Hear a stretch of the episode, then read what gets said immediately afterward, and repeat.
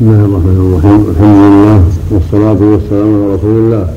أما بعد فقد سبق لكم أيها الإخوان وأيها الأخوات سبق لكم درس مختصر في صفة بعثة النبي الكريم عليه الصلاة والسلام وبيان ما كان عليه أهل الأرض قبل بعثته عليه الصلاة والسلام من الجهالة والضلالة والبعد عن الهدى وما كانوا عليه من التفرق والاختلاف والظلم والعدوان والتناحر والفساد الكبير. وسبق لكم أيضا بيان ما كانت عليه العرب في جزيرتها من الجهل العظيم والفساد الكبير والأخلاق الذميمة والفرقة والاختلاف حتى جمعهم الله بهذا النبي الكريم عليه الصلاة والسلام. وسبق لكم أنهم كانوا متفرقين قبائل متفرقة وأحوال مختلفة وديانات متشتتة. هذا يعبد حجرا وهذا يعبد حجرا آخر وهذا يعبد هيكلا لملك وهذا يعبد جنيا وهذا يعبد كذا وكذا. قد تفرقوا في أديانهم وأخلاقهم وأعمالهم. لا يجمعهم دين ولا يرأسهم قائد ولا يخضعون لقائد ولا كبير. بل رؤساؤهم بل كبارهم كلهم رؤساء وأهواؤهم متبعة والظلم بينهم فاشي والفقير غير محترم. فبعث الله هذا النبي الكريم عليه الصلاة والسلام بهذا الدين العظيم الذي هو إخلاص العبادة لله وحده والاستقامة على أمره والحذر مما نهى عنه جل وعلا وسره المنهاج الذي رسمه على يد نبيه محمد عليه الصلاة والسلام. سبق لكم أن محمدا عليه الصلاة والسلام بعثه الله إلى الناس عامة. بعثه الله إلى جميع الأرض جنهم وأنس وإنسهم عربهم وعجمهم. وأمره أن يدعوهم إلى لا إله إلا الله وإلى أن يشهدوا أنه رسول الله. ولم يزل على ذلك يدعوهم إلى الله جل وعلا ويقول لهم آمنوا بي ووحدوا الله جل وعلا وأخلصوا له العبادة. كما قال الله سبحانه وتعالى قل يا أيها الناس إني رسول الله لكم جميعا. الذي له ملك السماوات والأرض لا إله إلا هو يحيي ويميت فآمنوا بالله ورسوله النبي الأمي الذي يؤمن بالله وكلماته واتبعوه لعلكم تهتدون. وقال تعالى وما أرسلناك إلا كافة للناس بشيرا ونذيرا. وقال تعالى تبارك الذي نزل القرآن نزل الفرقان على عبده ليكون للعالمين نذيرا. وفي الحديث الصحيح أن النبي عليه الصلاة والسلام قال كان النبي يبعث إلى قومه خاصة وبعثت إلى الناس عامة. وقال عليه الصلاة والسلام والذي نفسي بده لا يسمع بأحد من هذه الأمة يهودي ولا نصراني ثم يموت ولا يؤمن بالذي أرسلت به إلا كان من أهل النار أو كما قال عليه الصلاة والسلام. والمقصود أن الله جل وعلا بعثه إلى الناس عامة فقام بالدعوة أتم قيام ودعا قومه إلى الله جل وعلا ودعا العرب إلى الله سبحانه وتعالى وقال لهم يا قوم قولوا لا إله إلا الله تفلحوا. وإنما بدأ بهم لأنهم قومه ولأنهم أهل اللسان وقد أنزل الله القرآن بلسانهم وبعث الرسول بلسانهم فلهذا بدأ بهم والناس تبع لهم في ذلك. فلم يزل فلم يزل يدعوهم إلى الله جل وعلا ويرشدهم إليه ويصبر على آذاهم حتى حصل ما حصل مما تقدم من الأذى والمحنة له ولأصحابه وحصلهم في الشعب شعب أبي طالب وهجره من هاجر منهم إلى الحبشة. فلما اشتد الأمر وعظم البلاء بالنبي صلى الله عليه واصحابه بمكة المكرمة وتم وتم أمر المشركين وأجمعوا رأيهم على قتله عليه الصلاة والسلام أذن الله له في الهجره إلى المدينة فهاجر إلى المدينة عليه الصلاة والسلام بعدما الدعوه في مكة وهدى الله به من هدى وهم جم غفير وخلق كثير من أعيان أهل مكة ومن غيرهم وعلى راسهم الصديق الأكبر أبو بكر رضي الله عنه وعمر بن الخطاب وعثمان بن عفان وعلي بن أبي طالب والزبير بن العوام وطلحة بن عبيد الله التيمي وصهيب بن سنان الرومي وعبد الله بن مسعود الهذلي وبلال بن رباح الحبشي وجماعة آخرون من رجال ونساء هداهم الله جل وعلا بمكة المشرفة ودخلوا في هذا الدين العظيم. منهم من بقي مع النبي مكة حتى هاجر ومنهم من هاجر إلى الحبشة وأمن على دينه هناك. وكانت هجرته عليه الصلاة والسلام بعدما فرض الله عليه الصلاة والخمس بمكة ثم بعد فرضها عليه هاجر إلى المدينة عليه الصلاة والسلام واستقر بها عشر سنين ولم يزل على الدعوة إلى الله جل وعلا وإنذار الناس غضب الله وعقابه. ودعوتهم إلى الحق والهدى هكذا يفعل ليلا ونهارا في إقامة المدينة وفي غزواته عليه الصلاة والسلام وفي عمرته لما اعتمر عمرة القضاء وفي سائر أحواله. يدعو إلى الله جل وعلا ويرشد إليه عليه ويرشد إليه سبحانه وتعالى. ولم يزل الوحي ينزل عليه وهو بالمدينة والشرائع تنزل عليه فأكمل الله به الدين وأتم عليه وعلى أمته النعمة. وكان فرض الزكاة والصيام والحج وسائر الشرائع كله بالمدينة. أما الزكاة فكان لفرضها أصل بمكة. فإن الله جل وعلا فرض أصلها بمكة كما قال جل وعلا في سورة الأنعام وآتوا حقه يوم حصاده وقال جل وعلا في سورة المؤمنون والذين هم للزكاة فاعلون. فسرت الزكاة هنا بالزكاة المالية. والمقصود أن الله جل وعلا فرض أصل الزكاة بمكة ثم فرض نصوبها وبين مصاريفها بالمدينة وهكذا الصيام فرض بالمدينة والحج والأذان والإقامة والجهاد والأمر بالمعروف والنهي عن المنكر باليد كل هذا كان بالمدينة. وأما الدعوة باللسان إلى الخير فكان بمكة.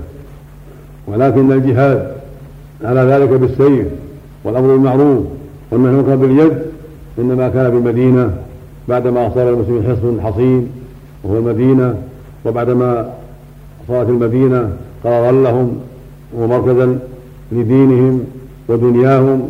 بعد ذلك شرع الله الجهاد وكمل الشرائع بالمدينة سبحانه وتعالى. ولم يزل دين الله يظهر ويقوى والناس يدخلون في دين الله. من سائر القبائل يقصدون المدينة مهاجرين راغبين في هذا الدين العظيم حتى وقعت وقعة بدر بين النبي وأهل مكة فأعز الله بها دينه وغفر فيها نبيه محمد عليه الصلاة والسلام فارتفع رأس الإسلام وارتفع المسلمون ارتفاعا كثيرا عظيما ودخل كثير من الناس في هذا الدين ودخل بعض من أهل المدينة نفاقا وخوفا على أنفسهم. لما رأوا من ظهور لما رأوا من ظهور الدين.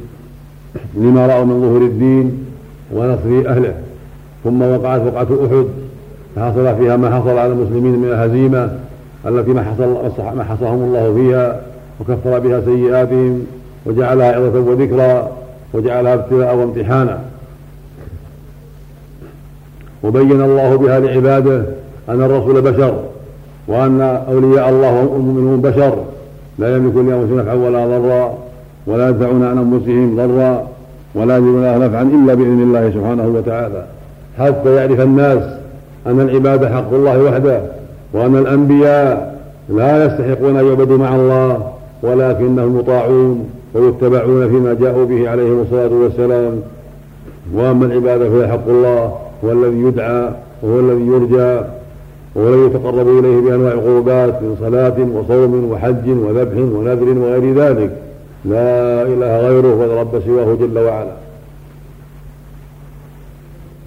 ولو كان محمد عليه الصلاة والسلام إلها يعبد لدفع عن نفسه ولم يصبه يوم أحد ما أصابه من الهزيمة والجراح والقتل بسبعين من أصحابه عليه الصلاة والسلام.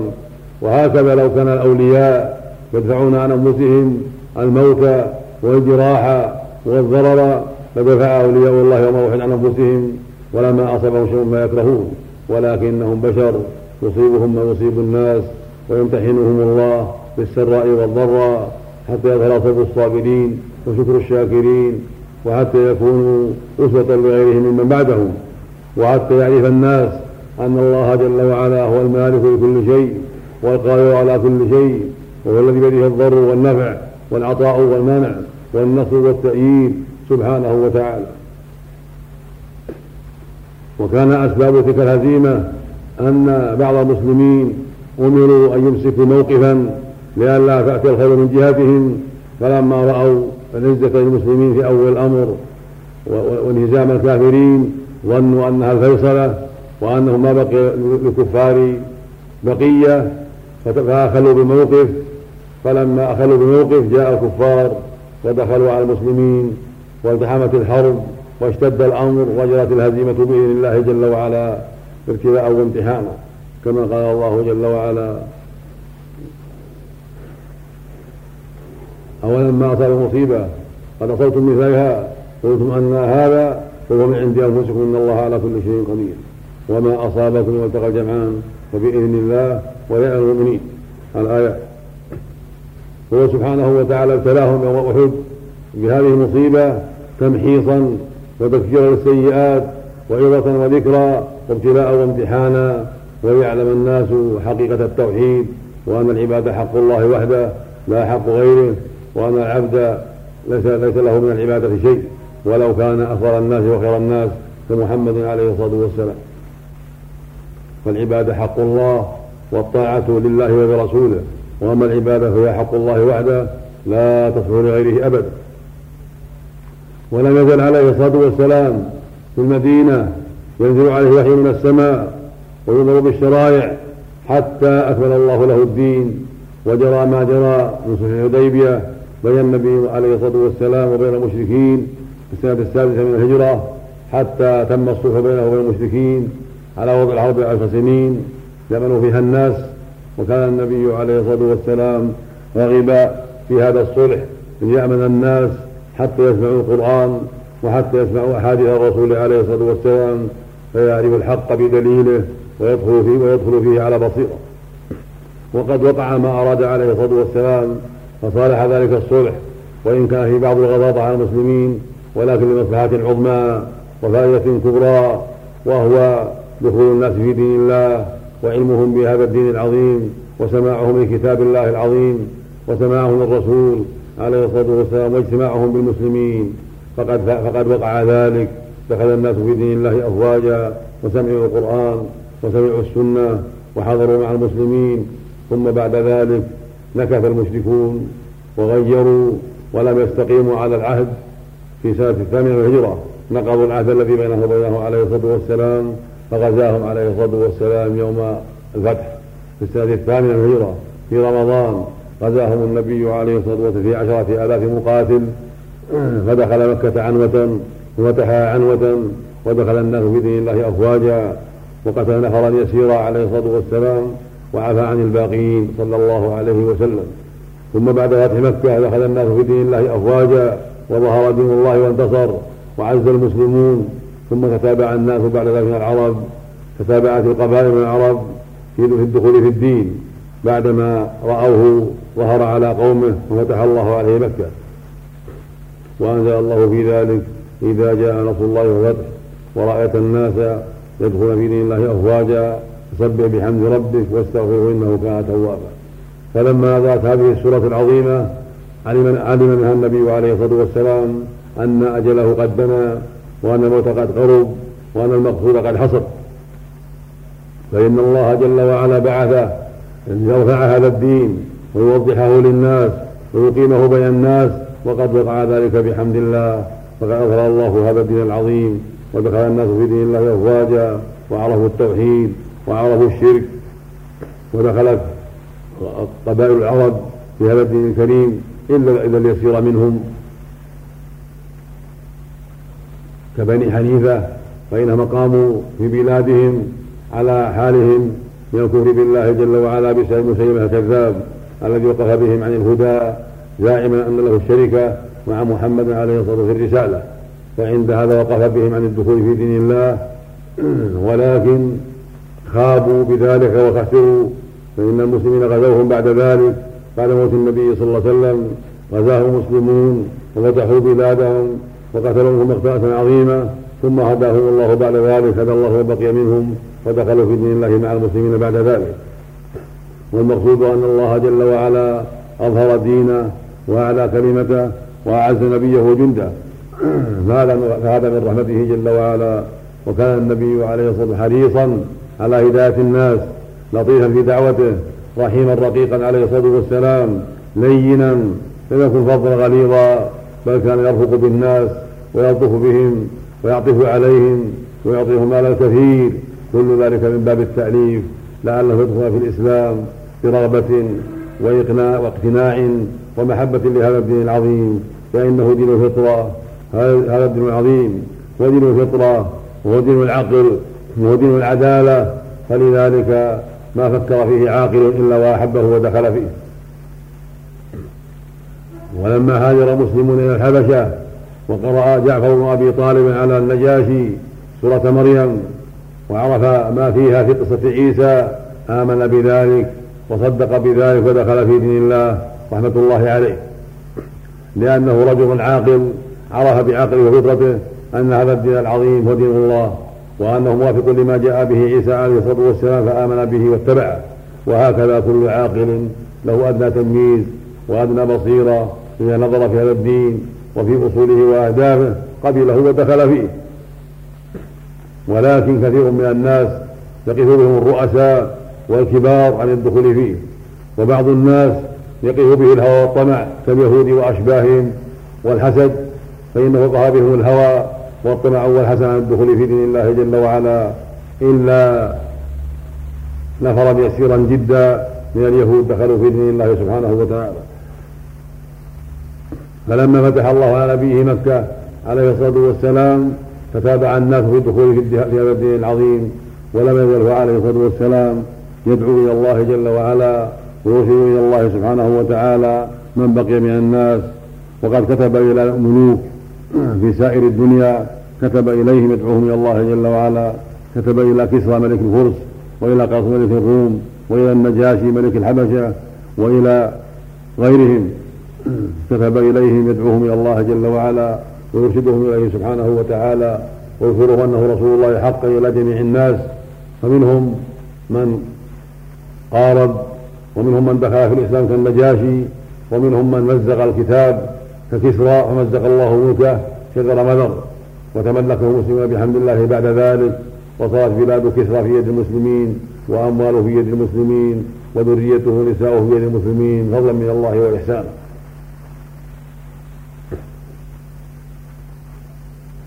وكان النبي عليه الصلاة والسلام كما تقدم حريصا على هداية الناس صابرا محتسبا في دعوته عليه الصلاة والسلام يرفق بالناس ويعمل بقوله جل وعلا ادع إلى سبيل ربك بالحكمة والعصر الحسنة وجادلهم بالتي هي أحسن وهو الذي قال الله فيه لقد جاءكم رسول من أنفسكم عزيز عليه ما عنتم حريص عليكم بالمؤمنين رؤوف رحيم وقال فيه جل وعلا وما أرسلناك إلا رحمة للعالمين.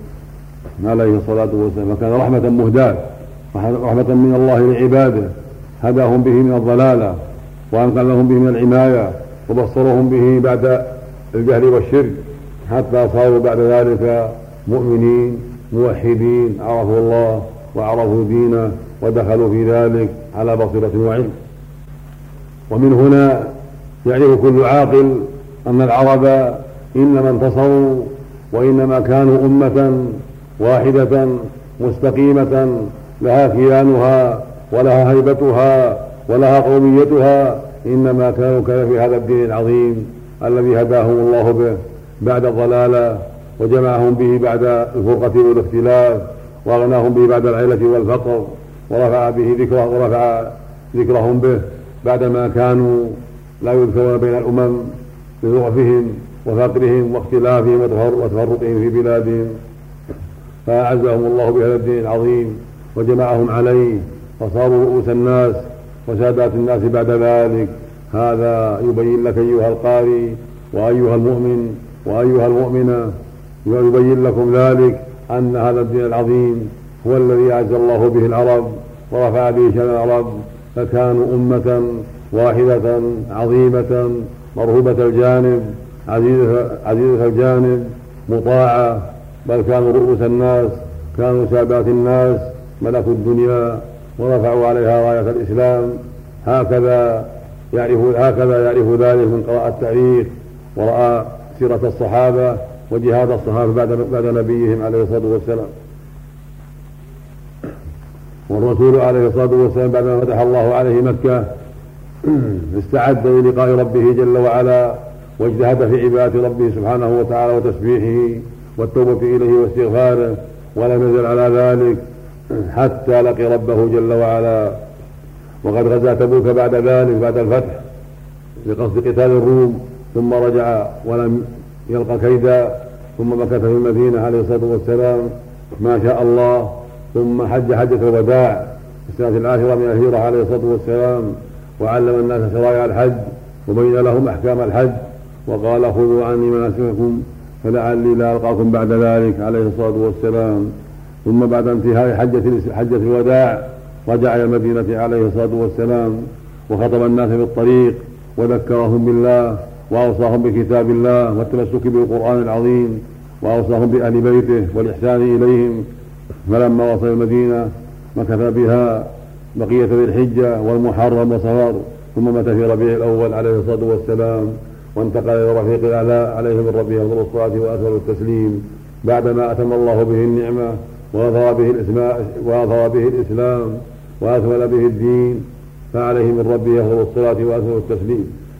وقد نزل في هذا قوله جل وعلا اليوم أكملت لكم دينكم وآتمت عليكم نعمتي ورضيت لكم الإسلام دينا أنزل الله هذه الآية يوم عرفة والنبي واقف بعرفة عليه الصلاة والسلام.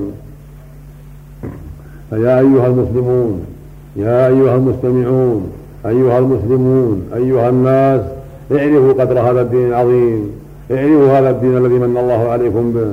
أيها العظم اعرفوا هذا الدين العظيم الذي جمعكم الله به بعد الفرقة والاختلاف وغناكم به بعد العيلة والفقر وهداكم به بعد الضلالة والعمى حتى صرتم رؤوس الناس حتى كنتم أمة واحدة معروفة موهوبة الجانب. معظمة عزيزة حتى صرتم ملوك الناس ملكتم الدنيا ورفعتم راية الإسلام في عهد الصديق وعهد عمر كما رفعتم ذلك في عهد النبي عليه الصلاة والسلام. فاتقوا الله عباد الله واعرفوا قدر هذا الدين وعظموه وعظوا عليه بالنواجذ وتواصوا به رحمكم الله. تواصوا بهذا الدين العظيم وادعوا الناس إليه وعظموه واعملوا به. حتى يعظمه الناس ويعملوا به. فأنتم حملته وأنتم أهله الذي نزل بلسانكم وجاء بلسانكم القرآن بلسانكم والنبي منكم ولغته لغتكم. فاتقوا الله عباد الله اتقوا الله أيها العرب واتقوا الله واتقوا الله أيها المسلمون جميعا في مشارق الأرض ومغاربها. حافظوا على هذا الدين العظيم. لا تضيعوه حافظوا عليه وراقبوا الله فيه.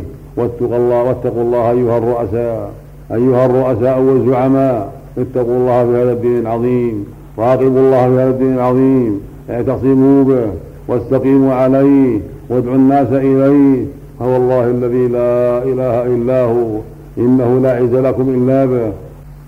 أما الدعوة إلى القوميات والاجتماع على القوميات فإن هذا لن يخلصكم مما أنتم فيه. ولن ينجيكم من عذاب الله يوم القيامة. فاتقوا الله فلا قومية تنفعكم ولا تخلصكم من عذاب الله ولا تجمعكم في الدنيا.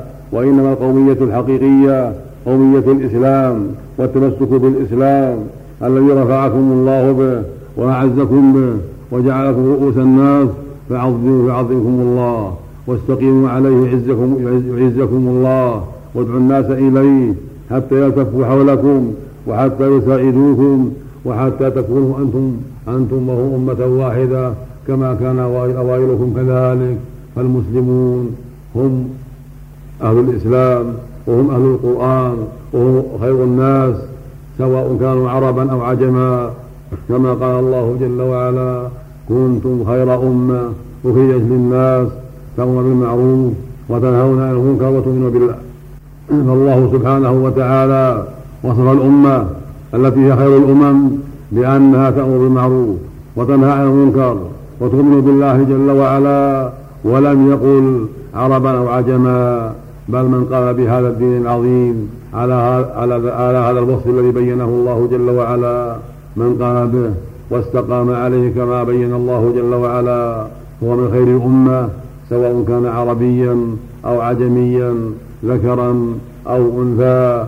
حضريا أو بدويا فاتقوا الله عباد الله فلا عزة إلا بهذا الدين القويم ولا صلاح ولا نجاة ولا استقامة إلا بدين الله سبحانه وتعالى. وأنتم أيها الرؤساء وأيها الزعماء وأيها الملوك مسؤولون عن هذا أعظم سؤال وأكبر سؤال كما قال النبي الكريم عليه الصلاة والسلام كلكم راع ومسؤول عن رعيته. فالأمير الذي على الناس راع ومسؤول عن رعيته. فأنتم أيها الزعماء وأيها الملوك وأيها الكبار والرؤساء أنتم مسؤولون. أنتم مسؤولون أمام الله عن هذا الدين العظيم. هل دعوتم إليه؟ هل حكمتموه؟ هل استقمتم عليه في أخلاقكم وأعمالكم وفي من تحت أيديكم؟ أم تساهلتم وضيعتم؟ فاتقوا الله عباد الله. ادعوا الإسلام. عظموا الإسلام كما عظمه أوائلكم. استقيموا عليه حتى ترجع إليكم عزتكم ويرجع إليكم ميتكم حتى تكونوا أمة واحدة وحتى تظهروا على من ناوأكم.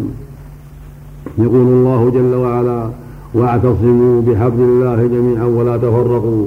ويقول جل وعلا فلا وربك لا يؤمنون حتى يحكموك فيما شجر بينهم ثم لا يجدوا في أنفسهم حرجا مما قضيت ويسلموا تسليما.